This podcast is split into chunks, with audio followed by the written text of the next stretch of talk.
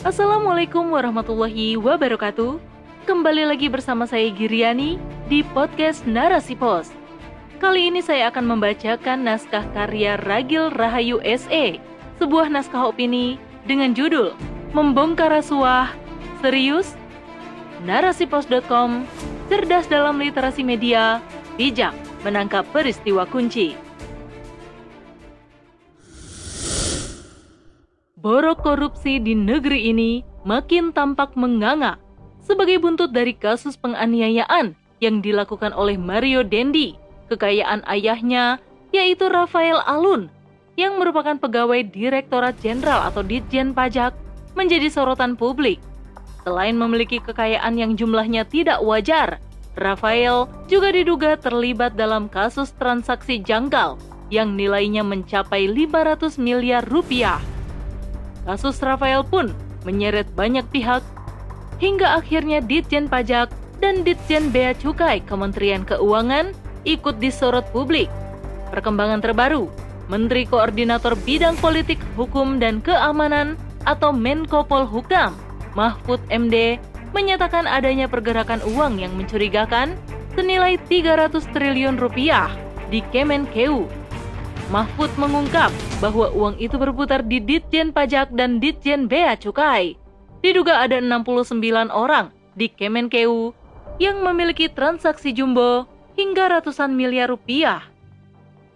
Sebelumnya, Pusat Pelaporan dan Analisis Transaksi Keuangan atau PPATK mengungkap temuan tentang aliran dana janggal 300 triliun rupiah yang mengalir lewat pegawai Kemenkeu Kepala PPATK, Ivan Yustia Vandana, menjelaskan bahwa pihaknya telah menyampaikan hampir 200 informasi hasil analisis kepada Kemenkeu selama rentang 2009 hingga 2023. Informasi tersebut terkait beberapa nama pegawai Kemenkeu yang terlibat. Terungkapnya aliran dana tidak wajar di Kemenkeu ini sangat menyentak publik. Betapa tidak, nilai transaksinya mencapai nominal yang luar biasa, yaitu 300 triliun rupiah.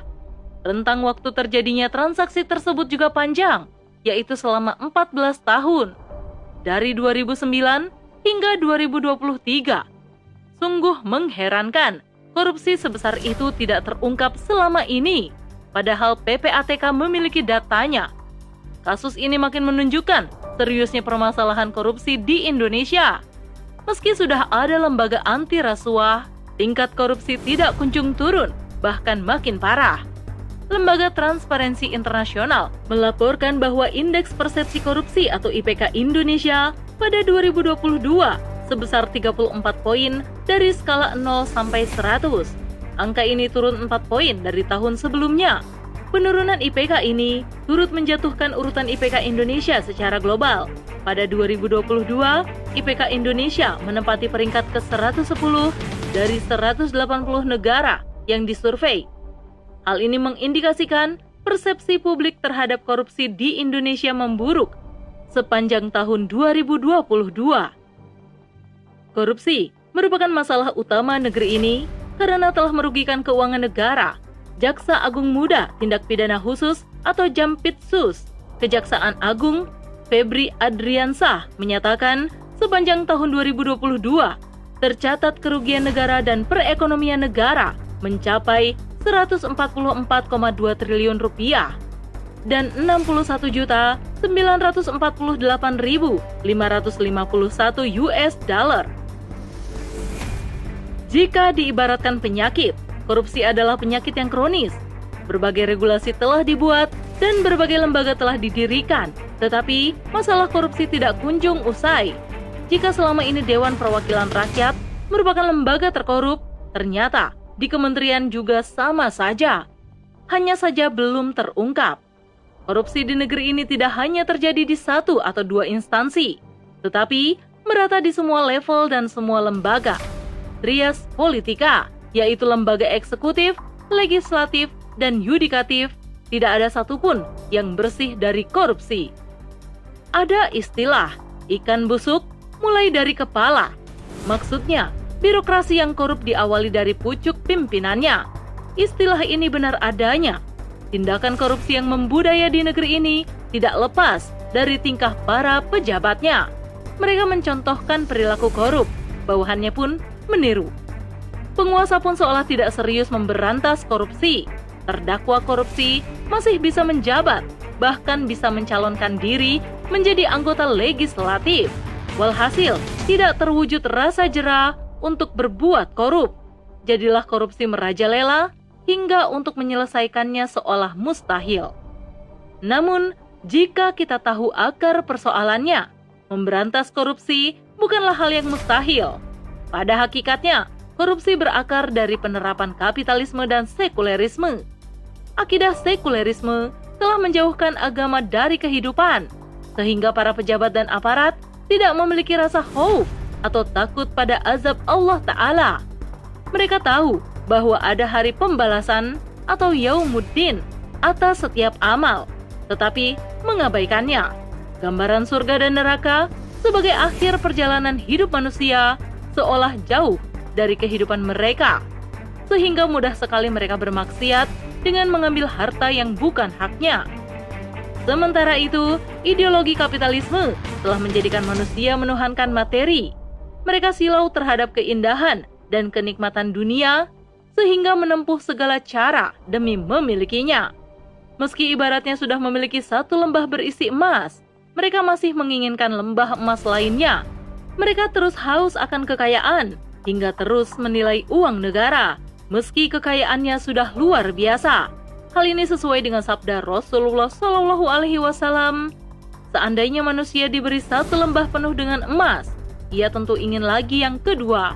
Jika ia diberi yang kedua, ia ingin lagi yang ketiga. Tidak ada yang bisa menghalangi isi perutnya selain tanah. Dan Allah maha menerima tobat siapa saja yang mau bertobat. Hadis riwayat Bukhari. Maksudnya adalah manusia akan terus mengisi perutnya dengan harta hingga ia mati dan perutnya terisi tanah. Kapitalisme sekuler telah menumbuh suburkan korupsi karena dalam sistem ini produksi terus digenjot tanpa batas sedangkan manusia terus dihasut untuk belanja dan mengumpulkan harta. Kehormatan dan kemuliaan manusia seolah ditentukan oleh hartanya. Selain itu, sistem ini lemah dalam penegakan hukum. Pejabat yang korupsi banyak yang aman dari jerat hukum, sedangkan yang tertangkap tidak mendapatkan hukuman yang menjerakan. Sudahlah difonis ringan, mereka masih mendapatkan aneka kemewahan, seperti kamar yang nyaman bak hotel, bisa pelesir dengan alasan berobat, mendapatkan remisi, dan lain-lain. Dengan demikian, memberantas korupsi harus diawali dengan mengganti sistem kapitalisme sekuler yang bercokol di negeri ini. Selanjutnya adalah menerapkan ideologi dan sistem Islam atau khilafah. Islam memulai pemberantasan korupsi dengan menghilangkan faktor pendorong korupsi, yaitu rasa tamak pada dunia. Akidah Islam mengajarkan bahwa makna kebahagiaan bukanlah materi, tetapi ridho Allah Subhanahu wa taala. Sedangkan perilaku korup tidak diridhoi Allah sehingga harus dijauhi. Firman Allah taala dalam surah Al-Baqarah ayat 188 yang artinya dan janganlah kamu makan harta di antara kamu dengan jalan yang batil dan janganlah kamu menyuap dengan harta itu kepada para hakim dengan maksud agar kamu dapat memakan sebagian harta orang lain itu dengan jalan dosa, padahal kamu mengetahui. Akidah Islam yang menjadi pencegah orang berbuat koruptif ini dibentuk sejak dini melalui penanaman akidah Islam di rumah dan sekolah. Hasilnya adalah sosok berkepribadian Islam yang takut pada murka Allah dan hanya berharap pada ridho Allah semata. Mereka tidak silau terhadap keindahan dunia karena kebahagiaan hakiki itu ada di surga.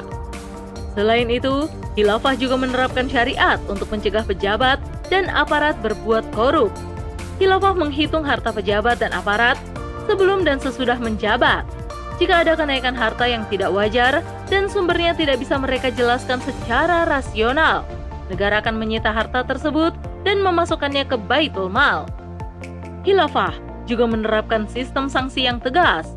Pelaku rasuah akan mendapatkan sanksi berupa takzir, yaitu penyitaan harta korupsi, kurungan, pengasingan, publikasi ke halayak, dan bisa sampai level hukuman mati. Sanksi yang tegas berlaku untuk siapa saja, tanpa diskriminasi, meskipun terhadap keluarga penguasa sekalipun. Dengan serangkaian solusi ini, korupsi bisa diberantas secara tuntas. Wallahu a'lam bishawab. Wassalamualaikum warahmatullahi wabarakatuh.